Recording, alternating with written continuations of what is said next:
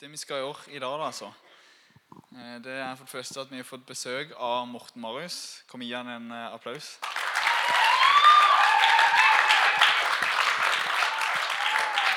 Takk, takk. Eh, og han reiser mye rundt og har hatt Grillen kristen og forskjellige ting.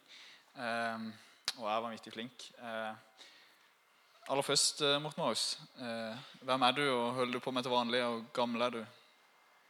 Jeg eh, er 28 år gammel.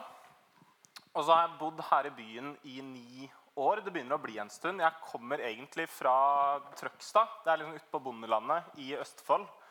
Sikkert litt sånn som Sogndalen er eh, Ja, det er, altså, det er en fornærmelse mot Sogndalen. Det er nok litt mer bygd der jeg kommer fra.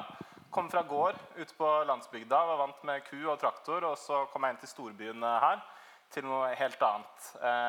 Har studert journalistikk her i byen, faktisk. Jobba noen år i eh, Philadelphia, i, eh, ja, i byen, da, som ungdomsarbeider. Og nå de siste åra har jeg brukt på å studere. Så jeg studerer eh, teologi. Og så jobber jeg fortsatt i Philadelphia ved siden av det. Spennende. spennende. Eh, og du er interessert i, i den type ting i Nå, er jeg spent Yes. på hva, hva er den type ting. Dette spørsmålet var ikke formulert på forhånd. Eh, du, for du sa til meg her i stad at eh, du kom til en tid i livet der du ble veldig opptatt av å tenke liksom, liksom Å forstå trua di, da. Eller å tenke fornuftig rundt trua. Fortell litt om det. Ja, det stemmer. Jeg har vokst opp i et kristent hjem. Og jeg tror jeg alltid har sett på meg sjøl som kristen. Jeg kan huske ganske langt tilbake at det å være kristen det, det var ganske viktig for meg. Veldig, sånn Helt tilbake til barneskolen. Eh, og så gikk det litt sånn slag i slag. ikke sant? Jeg gikk i ungdomsgruppe sånn som det her eh, på ungdomsskolen og videregående. Eh, men litt sånn rundt den tida kanskje, så, så ble det veldig viktig for meg det å stille spørsmål. Og det å tenke litt sånn her rundt troa. Eh, møtte mange i klassa som hadde mye spørsmål til meg som kristen. Eh, hva tenker du om det ene og det andre? Og da måtte jeg ta stilling til det. ikke sant? Og, ja, hva tenker jeg egentlig om det? Hva tenker jeg egentlig om hvordan kan Gud være god når det er så mye vondt i verden? Hva tenker jeg egentlig om ja, fins noen gode grunner for å tro på Gud i det hele tatt? Så det blei viktig for meg etter hvert å bruke huet litt. At eh, den troa som jeg hadde, at den liksom kunne stemme litt med den virkeligheten jeg levde i også. At, og, og jeg, jeg tror jeg sa det på et punkt at hvis jeg skal tro på Gud, så kan det ikke være sånn at eh, jeg står og ser på hele verden og alt som er virkelig og alt som fins, og bare lukker øya og kniper hardt igjen og sier at ja, men jeg tror at jeg tror at jeg tror. Det må liksom være at jeg må kunne se på virkeligheten, ganske ærlig se på virkeligheten, og kunne få øye på det her i virkeligheten. At ja, faktisk der, i virkeligheten, i den verden vi lever i, så fins det gode grunner for å tro på Gud. Så det er jo eh, noe eh, av den reisen, da. Og så har jeg egentlig blitt veldig overraska over at det fins gode grunner for å tro på Gud. Og alle de spørsmåla som jeg har hørt opp igjennom, når jeg har gått sånn ordentlig inn i det, så har jeg egentlig bare kommet frem til at du verden, det fins gode svar. altså. Det er gode grunner for å stole på Bibelen. Det er gode grunner for å tro at Gud fins. Yes, Spennende å høre. Er du klar for å begynne på noen spørsmål? Ja, det var jo det, da. Får det ikke bare bli med praten. Jeg har jo sagt, så mye fint om at det fins gode svar, så får vi se. da. Det er jo dere som får uh, avgjøre det til slutt, kanskje. Jeg tror vi skal begynne rett på noe ganske kontroversielt eh, for mange. Yes. Eh, men det er litt personlig, da. Ja. Liker du ananas på pizza? Oi, oi, oi. Oi, oi, oi. Jeg, jeg trodde ikke det skulle bli så store spørsmål når jeg kom på kveld om de store spørsmålene. Skal jeg fortelle vitnesbyrdet mitt, kanskje, i forhold til ananas på pizza? Det er en eh, Nei, eh, altså jeg kommer jo fra en bakgrunn hvor vi har spist pizza hjemme. Det har vært vanlig for meg å spise pizza hjemme. Ofte i helgene har vi hatt eh, pizza.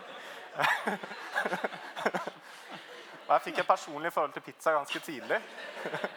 Men jeg ville ikke ha noen ting av, eh, ananas og, og altså, paprika og tomat og sånn. Det plukka jeg av pizzaen. Sopp, løk Amen. Amen. Tok det, tok det. Men, men jeg syns ananas er helt OK. Er det en sånn stor eh, konflikt? Er det en greie liksom at eh, det ananas-sida og ikke ananas-sida? Spennende. spennende. Nei, det er min historie i forhold til ananas. da. Yes, takk for at du delte noe så personlig. Ehm, vi skal Men fra spøk til alvor. Det får vi prøve på. Ehm, nå begynner vi å gå litt på spørsmålene deres. Ehm, noen av de vi fikk ned i kjelleren her før møtet osv. Og Da begynner vi rett og slett på at Hvordan kan egentlig vi vite at Gud fins? Akkurat, da. Rett på.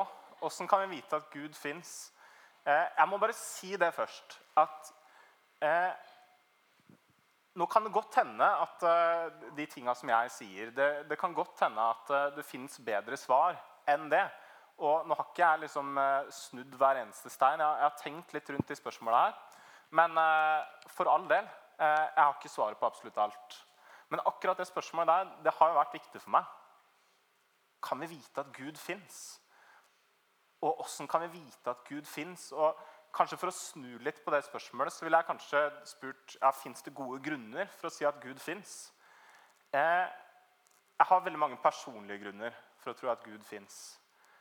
Jeg har vokst opp i et kristent hjem, jeg har gått i ungdomsarbeid sånn som det her. Eh, jeg har lest Bibelen, jeg har bedt til Gud. Og eh, en del av det Det er ikke liksom det at eh, jeg alltid har kjent at eh, Gud har snakka til meg sånn hele tida på løpende bånd, eller at Gud har kommet og vist seg for meg.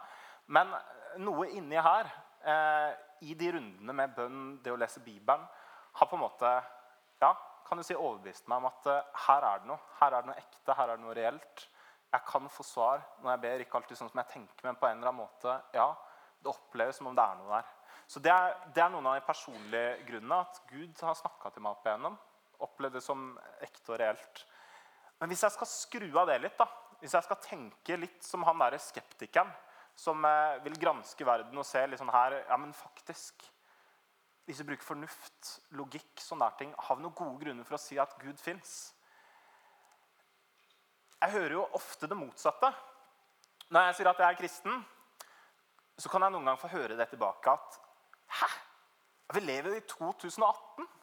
Går det an å være kristen da? Går det an å tro på Gud da? Og så sier kanskje folk et eller annet om at ja, vi har jo vitenskap i dag, og vitenskapen kan jo forklare det som religion forklarte før. Altså, før så trodde vi det var Gud som gjorde at eh, det tordna. Nå vet vi at det er noe meteorologisk et eller annet som skjer. ikke sant? Altså, før så trodde vi at Gud har skapt verden, men nå har vi vitenskapelig svar på det. Har dere hørt det før? Ja. Og eh, det har jeg også hørt opp igjennom. Men så har jeg tenkt litt etter. Ja, ok, fint. Vi lever i 2018, og vi har noe som heter vitenskap, som kan forklare veldig mye om hvordan verden funker. Men betyr det at Gud ikke fins? Bare fordi vi har vitenskap som kan forklare hvordan verden henger sammen? Det er litt sånn her at Si at det står en kake foran meg her. Jeg er veldig glad i kake. Jeg hadde satt pris på det hvis det sto en kake foran meg her.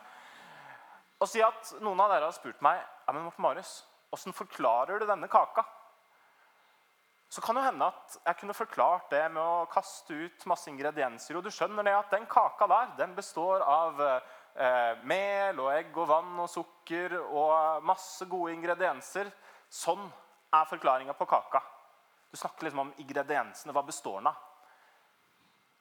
Men så kan det også hende at jeg har svart med å si at åh, den kaka der, den er det bestemor som har lagd. Og hun er vanvittig god til å lage kake, så bare gled deg til du smaker på den. Du kunne hatt to forklaringer. Du kunne snakka om ingrediensene og du kunne snakka om bestemor. Men er det sånn at bare fordi du har ingredienser, så betyr det at bestemor ikke fins? Og er det sånn at bare fordi du har bestemor, så betyr det at det ikke fins ingredienser? Nei, selvfølgelig ikke. Selv om kaka består av ingredienser, og vi vet hvordan kaka er satt sammen, så må jo noen ha bakt kaka. Og sånn tenker jeg litt med verden vi lever i også. Sånn tenker jeg om virkeligheten også. Og du kan jo nesten si Det sånn at det enkleste argumentet for Gud, det absolutt mest basic argumentet for Gud, det er det her. Se rundt deg. Se på virkeligheten. Se på oss mennesker. Hvor kommer det fra? Ja, vi vet åssen vi funker. Vi lærer om det på skolen i biologi. og sånn, Men hvem har bakt kaka? Hvem har sørga for at vi er her i det hele tatt på den måten som vi er? Og Da begynner jeg å snakke, for da syns jeg det er vanskelig skjønner du, å tro at vi mennesker, så komplisert som vi er, at vi bare skal ha kommet ut av ingenting. La oss si at Gud ikke fins, da. La oss si at uh, at alt starta som absolutt ingenting. Går det an at alt det her kommer ut av absolutt ingenting? Det syns jeg er vanskelig å tro. Eh, og da havner jeg litt der at ja, fint. Jeg syns vitenskap er helt konge. Men jeg klarer ikke å skjønne at det motbeviser Gud. Og jeg syns faktisk at uh, verden sånn som vi ser den, den peker mot at vi må ha en forklaring. Annet enn at det bare masse ingredienser har blitt kasta ut og plutselig blitt sånn som det her er, helt tilfeldig. Så jeg syns Gud er en god forklaring da, på at universet fins. Jeg kunne gitt flere grunner også, men jeg tror jeg lar den mm. henge der. Ja. Eh, det som sier, Jeg har ofte tenkt at eh, jeg, jeg, føler det krever ganske mye mer tro å tro at eh, all intelligensen, all, oss, bare det at vi fins, bare det fantastiske dyreriket og hele verdensrommet eh, At alt det fins uten at det står en intelligent skaper bak. Men bare at det kommer ut av ingenting egentlig, og tilfeldighet. Mm. Det virker for meg mye vanskeligere å tro. da. Eh, litt som du sa. Mm. Ja, jeg, jeg, deler den tanken. Også en annen ting som Jeg vet ikke om dere har tenkt det, men når jeg gikk på barneskolen da, Jeg var jo kristne, ikke sant? og det var litt frustrerende, for det var ikke alle i klassa som var. og Jeg ville at de skulle tro på det samme som meg. og syntes det var kjempeflott. Da kristen skjønte ikke hvorfor ikke de ville være det. Og jeg tenkte liksom at ja, men Gud, hvis du fins, kan ikke du bare komme ned i klasserommet med litt sånn engler og basuner og lage litt lyd og spetakkel og vise at uh, du er her? liksom Riste litt tak i folk og bare vise deg på en eller annen måte. Og Sånn kan det være liksom lett å tenke. Og så tror jeg vi kan så fort se litt sånn forbi det som sitter rett foran nesa vår. For det som Gud først og fremst kanskje har gitt for at vi skal se hvem han er, det er nok det han har skapt. Det han har skapt, de folka rundt deg, peker, mener jeg, mot at det fins en Gud som har skapt dem. Så jeg tror ikke liksom Gud, jeg tror ikke vi skal gjøre Gud som en sånn der mystisk skikkelse som bare titter innom iblant når det skjer noe supermirakuløst eller åndelig. Men vi må se på verden rundt oss og spørre oss ja, hvor kommer det her fra. Og hva kan den virkeligheten vi lever i, fortelle oss om Gud? Mm. Og Som du sa, så er dette et spørsmål vi kunne holdt på veldig lenge med, men vi skal gå videre. Eh, hvordan kan vi da vite at eh, det er den kristne trua som er rett om Gud eh, i møte med andre religioner? Mm.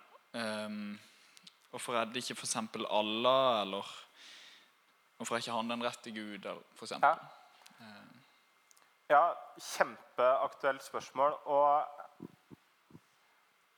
i det forrige svaret mitt så sa jeg litt om Gud. ikke sant? At ja, Jeg syns det gir skikkelig mening at Gud har skapt verden. At verden ikke kommer ut av ingenting. Men kristne er ikke det eneste som tror på Gud. Du har eh, jøder, muslimer, og så har du litt andre typer religioner. hinduister og buddhister.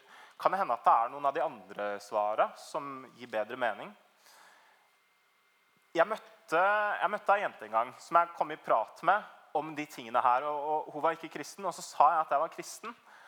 Og så spurte hun ja, men, ok, så du er kristen. Ja, tror du kristendommen er sann, da?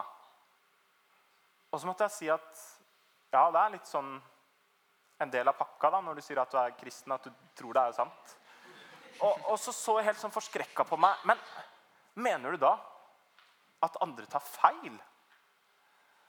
Og så måtte jeg si litt sånn at ja, altså ikke på absolutt alle ting i livet. ikke sant? Altså Folk klarer å smøre brødskiva si, og folk har rett til mye. ikke sant? Om, om veldig mye om hvordan vi skal være med hverandre som mennesker. Det er utrolig mye fint, Men akkurat på de viktige tingene med hvem Jesus er, at han er Guds sønn, tror vi kom til jorda, døde eh, på et kors, sto opp igjen fra døden, lever i dag Akkurat på det så tror jeg mange andre tar feil, ja, sa jeg.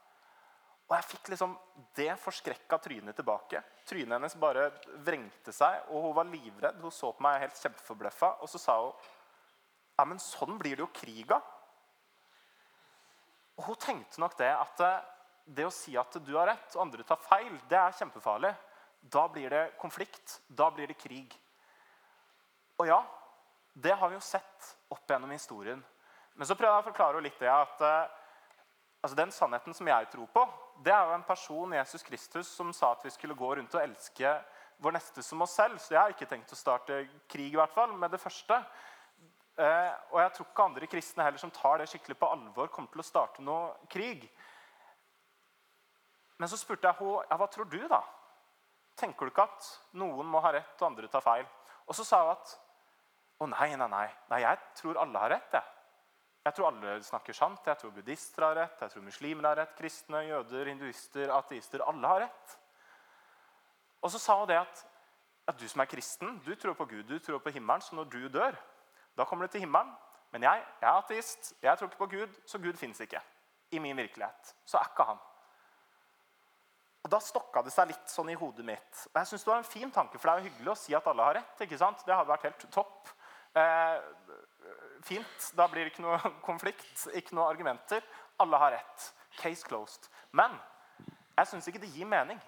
Og eh, det er jo litt sånn her, tenker jeg, at eh, den stolen du sitter på, enten så er den der, eller så er den ikke der.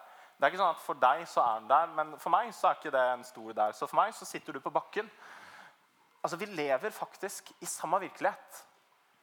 Vi lever eh, ikke i hver vår egen lille boble, men vi har den samme virkeligheten å forholde oss til. Åssen kan vi finne ut kristendom eller de andre religionene? Det er liksom spørsmål man kunne prata kjempelenge om. da. Jeg tror ikke jeg skal gjøre det, men kan jeg bare gå med på det? At det går ikke an at alle har rett. For man sier forskjellige ting. Man sier helt motstridende ting på tvers av religioner. Noen sier at Gud fins, andre sier at Gud ikke fins. Alle kan ikke ha rett om det. Her er det noen som tar feil. Noen sier at, sånn som kristne sier at Jesus han var Guds sønn. Han døde og sto opp igjen og lever i dag. Mens jøder sier at han var en vanlig fyr. Muslimer sier at han var en profet som ikke døde på et kors, men at det var noen andre som døde der. Og så forsvant Jesus, rykka opp til himmelen. Alle de kan ikke ha rett samtidig, for de sier jo helt forskjellige ting. Og da har jeg, etter å ha vurdert, sett litt på forskjellige religioner, blitt overbevist om at kristendommen, som forteller at Jesus han var Guds sønn, døde på et kors, sto opp igjen fra døden Jeg syns det er best grunner for å tro på det. da. Men jeg tror ikke jeg, skal, jeg tror jeg skal la den henge der, faktisk. Mm. Yes, eh, Og vi må komme litt videre til andre spørsmål òg. Ja. Eh, men eh, takk for et veldig flott svar. Jeg tror det er veldig viktig å holde fast med det at det nettopp er noe som er sant. Og det er derfor vi tror det vi tror på. Det er derfor vi følger Jesus. For det, det er sant. Det som Bibelen lærer, og det som stender, og det som skjedde med Jesus, og hans liv og oppstandelse. Eh, det er jo ikke bare fordi det er noe vi syns er så fint og flott å tro på, men, men det er sant. Det er ekte. Eh, det er, og det er og viktig da, at vi, vi søker den sannheten. Altså vi søker sannheten. Eh, men er det greit for at vi hopper over til et litt annet tema? Ja. Det kom opp et litt useriøst spørsmål. Skal vi ta det kjapt? Eller skal... Oi, oi, oi. Synger du i dusjen, Morten Marius? Um, det kommer an på hvem andre som er i huset. ja, ja, jeg gjør det. Jeg bodde, jeg bodde vegg i vegg med noen eh, tidligere. Eller det vil si, jeg, jeg, har bodd i blokk da, i noen år. Eh, og vi kjente ikke naboene, de som bodde vegg i vegg. Men plutselig så var det noen kompiser av meg som skulle flytte inn i naboleiligheten vegg til vegg. Og så spurte de de som hadde bodd der fra før, om er det mye bråk. Er det mye støy her i blokka? Og og så sa de at nei, det er egentlig veldig rolig, men jeg tror de er kristne, de som bor ved siden av, for de synger veldig mye kristne sanger. Og det er nok særlig i dusjen, da. Jeg hadde ikke forventet så utfyllende svar på det spørsmålet, men takk. Det var spennende. Alle svar fortjener å bli tatt på alvor. Yes, yes. Men nå skal vi komme inn på et tema som, eh, som mange, mange kristne kan synes er litt vanskelig å snakke om og, og svare på, ikke minst. Eh, og dette har med dette med, eh, mann, kvinne, seksualitet eh, og dette å gjøre. Eh, altså, jeg tror jeg skal formulere det sånn først. da. Eh, Hvorfor mener kristne at eh, Hvorfor mener mange kristne at ekteskapet kun er for mann og kvinne? Mm. Hvorfor mener mange kristne at ekteskapet er mellom mann og kvinne? Eh, dere skal jo ha rollebryllup eh, snart, så dere vet jo mye om åssen bryllup ser ut. Bryllup eh, Jeg vet ikke åssen det er i Sogndalen frikirke, men eh, dere forbinder det jo sikkert med stor stas og mennesker som er i, kledd i fine klær. Hva var det jeg sa? Pedd? Kledd? Kledd i fine klær.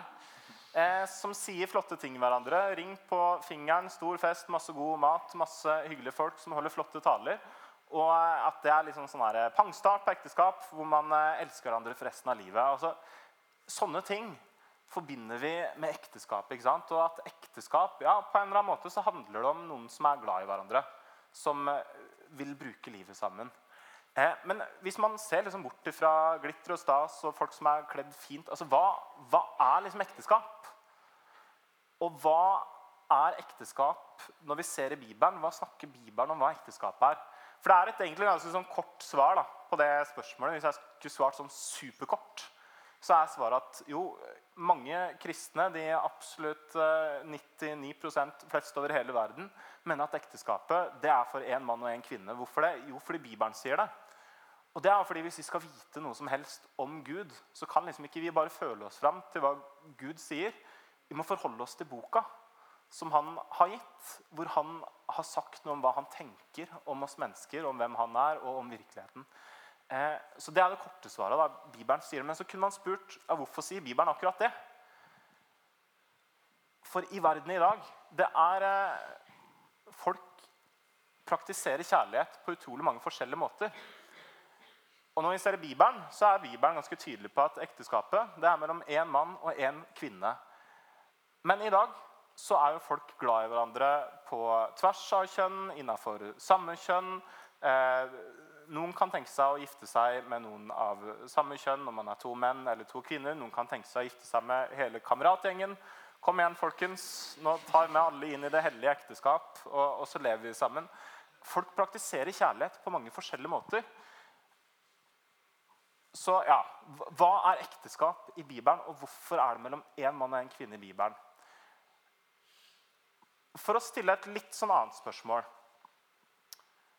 Hva er liksom hovedbudskapet i Bibelen? Den er historien med at Gud skaper verden. Eh, og så skjer det noe med at mennesker vender seg bort fra Gud. Og plutselig så kommer Jesus og dør på et kors, står opp igjen, og mennesker begynner å fortelle om Jesus. Altså, Hva handler den historien egentlig om? Og jeg vil si da, at den historien i Bibelen eh, Jeg kan oppsummere den med å si at den handler om Guds trofaste kjærlighet. Til oss mennesker. Til absolutt alle mennesker. Til mennesker som eh, er sånn som de er, med sine feil og mangler, til mennesker som har vendt Gud ryggen. Altså Storyen i Bibelen det er at uansett hva vi folk gjør, ikke sant? om vi vender Gud ryggen, så har Gud gjort noe. Han har sagt det at du er så viktig for meg at jeg vil dø på et kors og overvinne døden. Jeg vil ta eh, konsekvensene av dine gjerninger. Det vil jeg ta. All dritten din vil jeg ta. Sånn at du kan tilhøre meg for alltid. Gud han viser sin trofaste kjærlighet. Og når Gud viser sin trofaste kjærlighet, når Jesus gir seg sjøl til verden, så gjør han det fullt og helt. Og jeg kan vite det som kristen, fordi jeg har tatt imot Gud. Så kan jeg vite det. Jeg kan stole på det at han er trofast. Han kommer ikke til å vende meg ryggen. Han er trofast mot meg, og jeg kommer til å tilhøre han for alltid. Fordi jeg har tatt imot han ved tro. Fantastisk historie. Men det slutter ikke der. For det er en fin historie å tro på.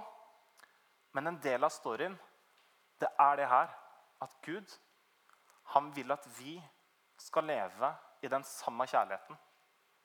Den Guds trofaste kjærlighet, den er vi også skapt for å etterligne. Og Det er derfor Bibelen sier sånne ting som at vi skal elske absolutt alle mennesker. Elsk de neste som deg selv.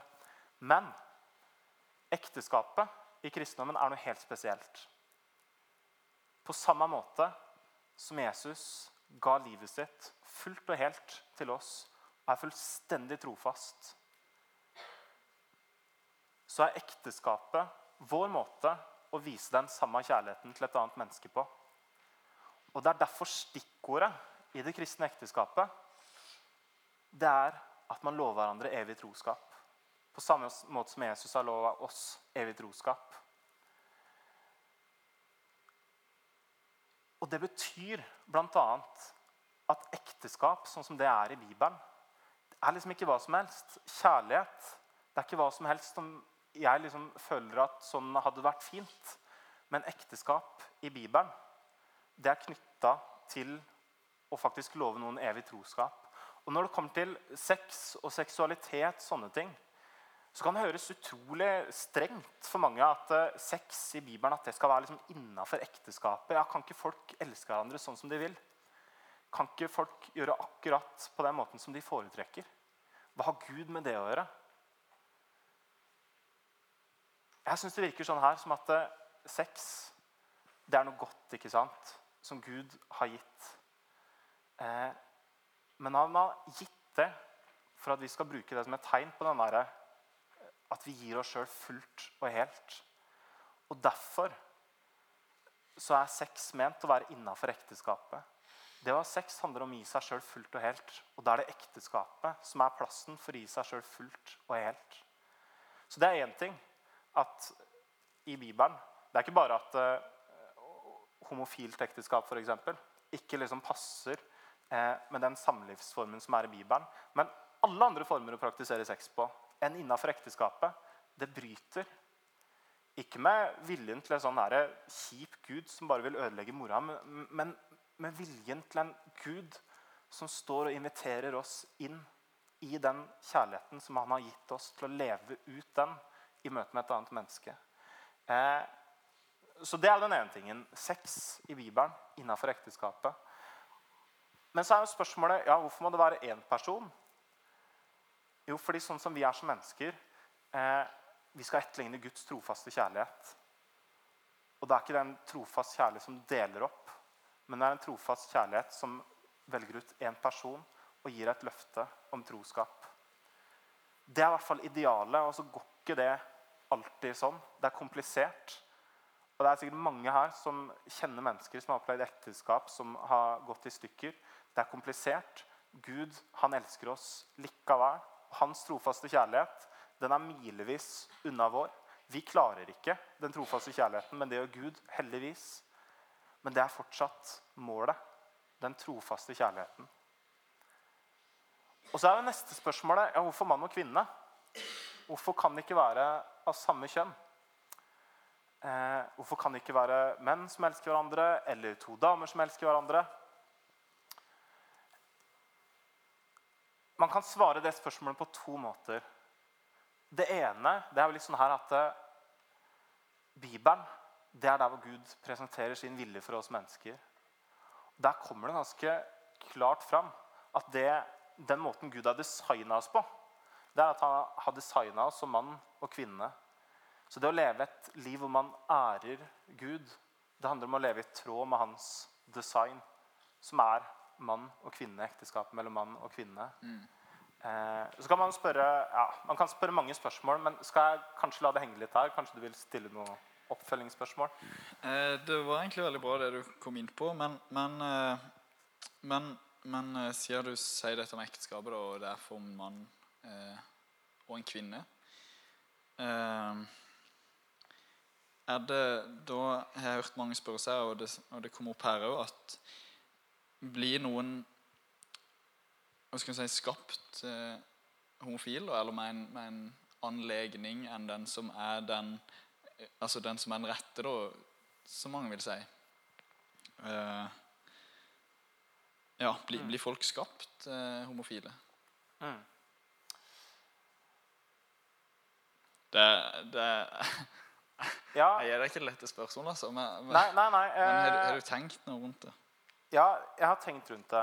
Og jeg syns det er vanskelig å gå inn i andres, andre menneskers liv og forklare hvorfor de er som de er. Er man født sånn? Eller har man blitt sånn?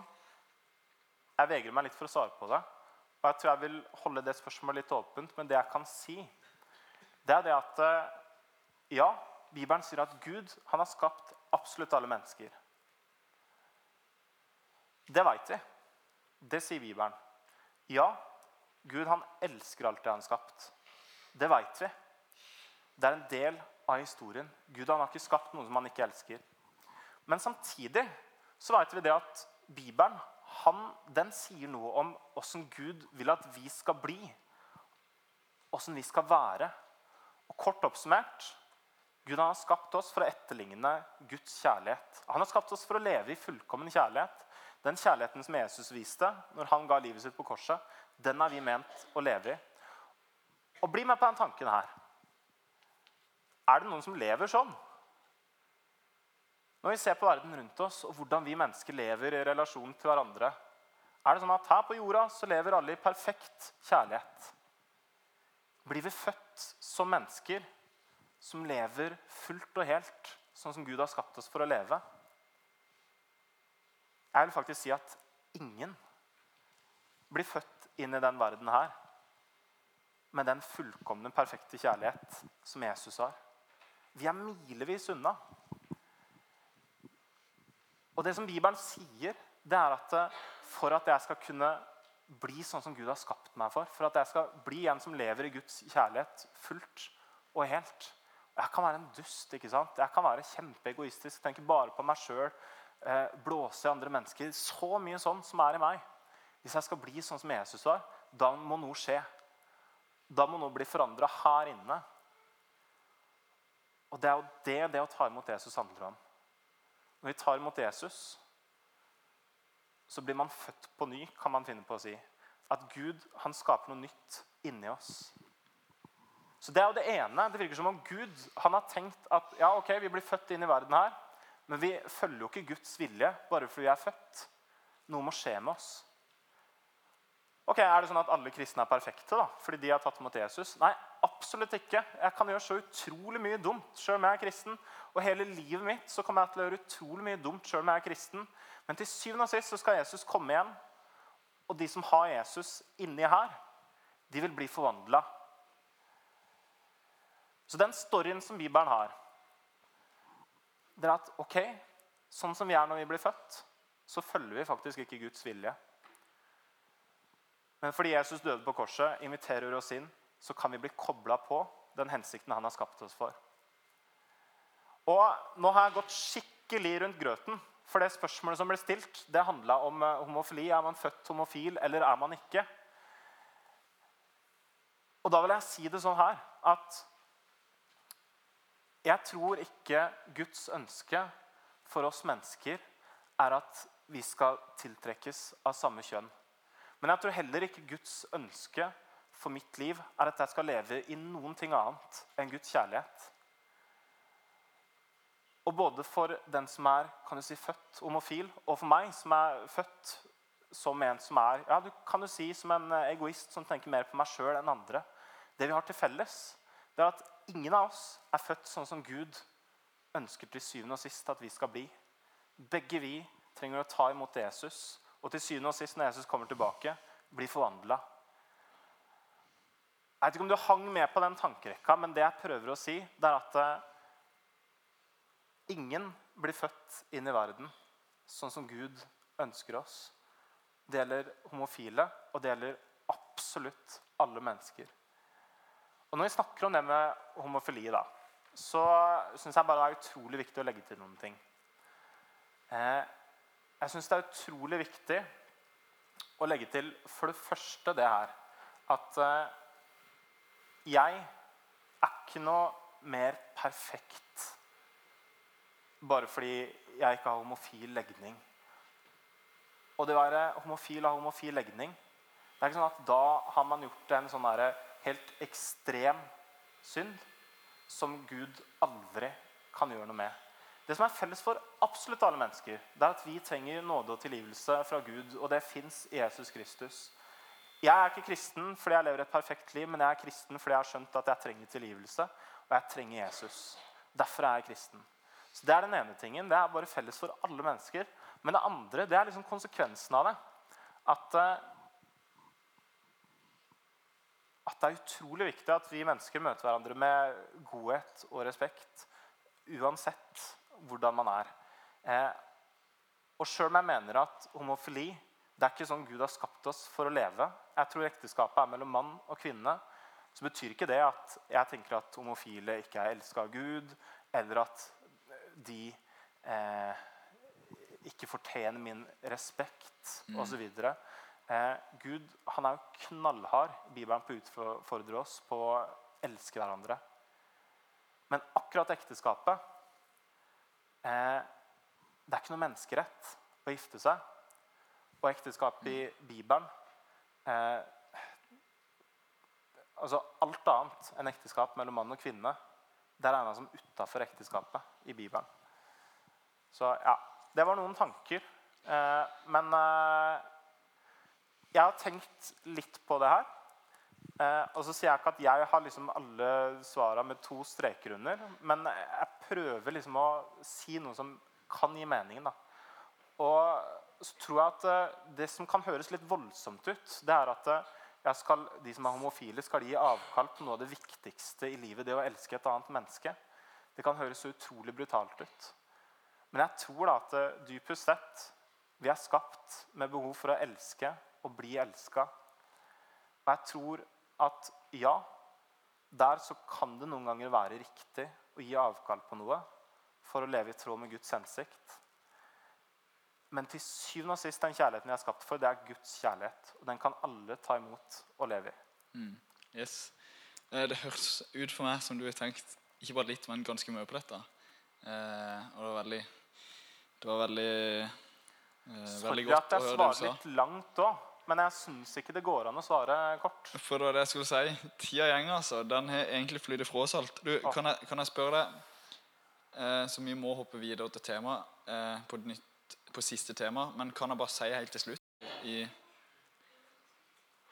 i forlengelsen av det du sa, at eh, hvis du eh, syns dette er vanskelig, hvis du eh, eh, kjenner på noe sjøl, er usikker på deg sjøl og, og, og syns disse tingene er vanskelige, eller Eh, så, så våg å søke Gud, da. Våg å, våg å be til Han.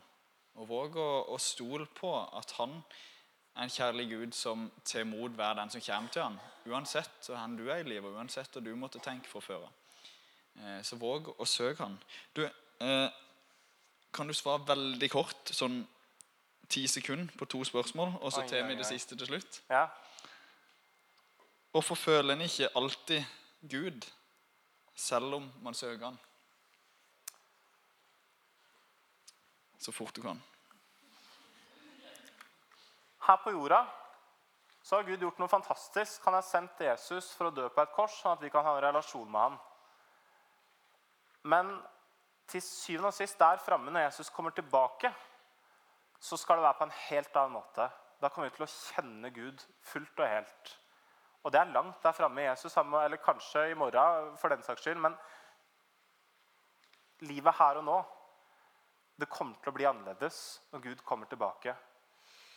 Så den gudsrelasjonen, den er faktisk litt begrensa her og nå på jorda. Eh, Takk. takk. Og, og kan, kan jeg bare legge til én ting til? En ting Yes, til som jeg yes. syns er kjempeviktig. Eh, så, så det er jo det ene. ikke sant? At ja, Her på jorda det er litt sånn delvis. Men jeg tror absolutt det går an å ha en relasjon med Gud og føle ting. og sånn. Men Guds kjærlighet det er ofte godt å tenke på ja, men jeg føler ingenting og kjenner ingenting. Men Bibelen sier det at Gud han viser sin kjærlighet. Ikke ved at vi føler kiling på ryggen, men med at Jesus gir livet sitt for oss.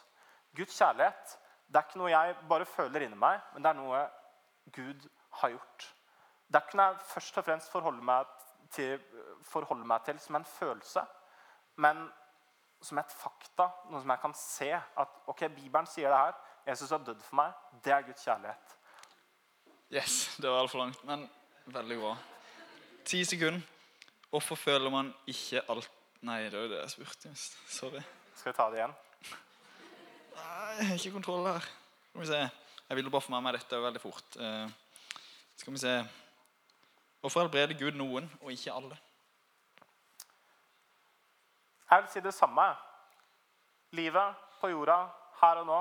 Vi ser rundt oss. Mye vondt i verden. Så har Gud gjort noe i Jesus som gjør at ja, vi kan ha tro til ham. Vi kan be for mennesker og stole på ham. Noen ganger skjer det mirakler. Ikke alltid. Her og nå det er innmari ufullkomment. Men det gode svaret i kristendommen det er at Jesus en dag skal komme tilbake, fikse verden fullt og helt. Og det er ikke alt som skjer her og nå. Hvorfor noen, ikke andre? Det er et kjempemysterium. Eh, Gud han har sagt i Bibelen at vi skal be for syke. Og det har jeg tenkt til å gjøre. Eh, og jeg tror jeg kan gjøre det med tro, for jeg vet at Gud han er allmektig. Men det skjer ikke alltid. Der framme, fullt og helt, her på jorda, ufullkomment. Takk. Aller siste spørsmål. Eh, nå har det eh, gått litt eh, lang tid her. Ti sekunder for meg, det er ikke det samme som for deg. det er skjønt. Men det gjelder jo Gud òg, så det Ja. Men, men jeg vil bare stille dette aller siste spørsmålet til slutt. Og det er et veldig viktig og sentralt spørsmål, så eh, Hvorfor måtte egentlig Jesus dø? Hvorfor er det så viktig? Ja, ti sekunder, da. 20. 20 Mine 20. Mine 20 sekunder. Se på verden rundt oss. Hva er liksom problemet med verden i dag?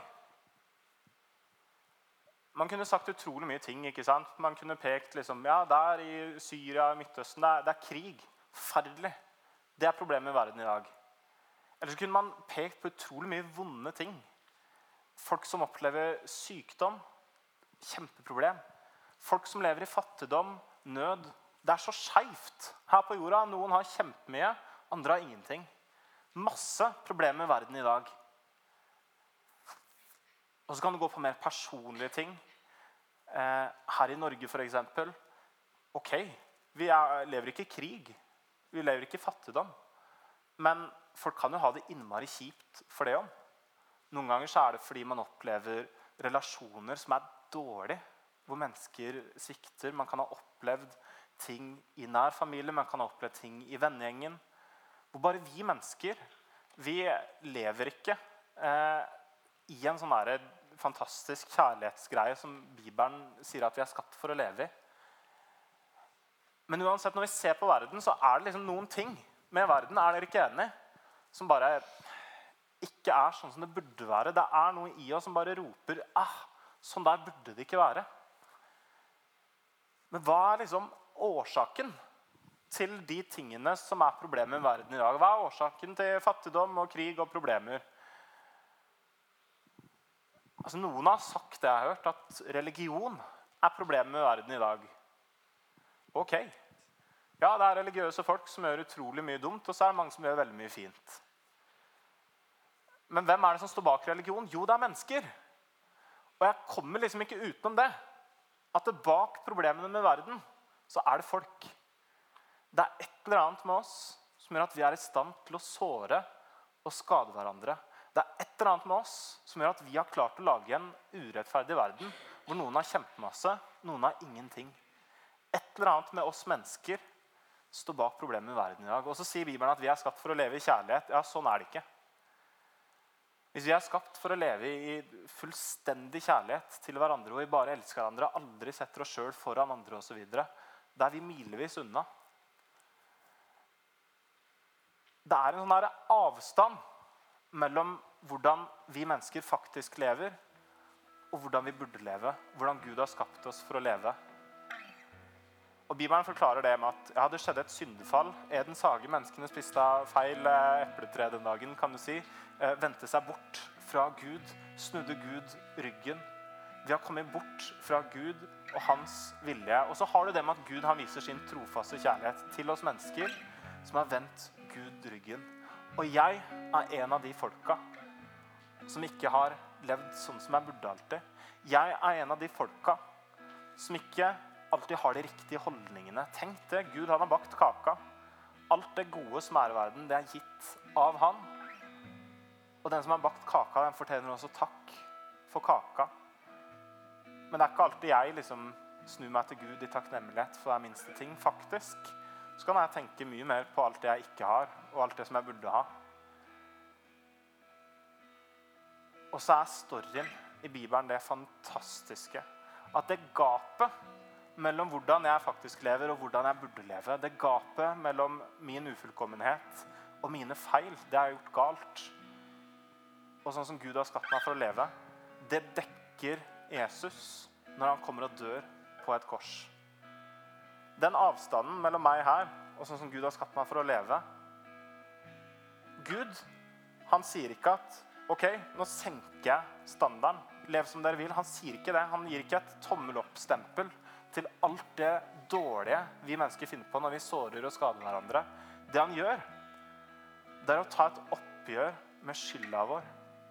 Han gir livet sitt på et kors og tar alt det gale vi har gjort, på seg. Hvorfor gjør han det? Jo, han gjør det sånn at vi kan ta imot han, den oppstandende Jesus som lever i dag. Sånn at han kan komme inn her, starte en prosess og forvandle oss. Og i den prosessen så kan vi se på livet vårt, ærlig på livet vårt, alt det vi har gjort galt, uten å bli knust av skam eller selvforakt eller tenke at vi er helt forferdelige som bare Gud må bli kvitt. Nei, vi er så høyt elska at han ga livet sitt for hver eneste en. For å ta bort alt det gale vi har gjort. Derfor måtte Jesus dø. Og det er det som er så fantastisk med evangeliet. At det er gratis. Vi kan ta det imot ved bare si 'Jesus, her er jeg. Jeg ønsker det for mitt liv'. Mm. Tusen takk skal du ha, Morten Marius. Eh, fantastisk bra å ha deg her. Um, Der har jeg fått ny forståelse av hva sekunder er også. Yes, det har vi, men takk for alt det du har delt. Jo, takk for at jeg fikk komme.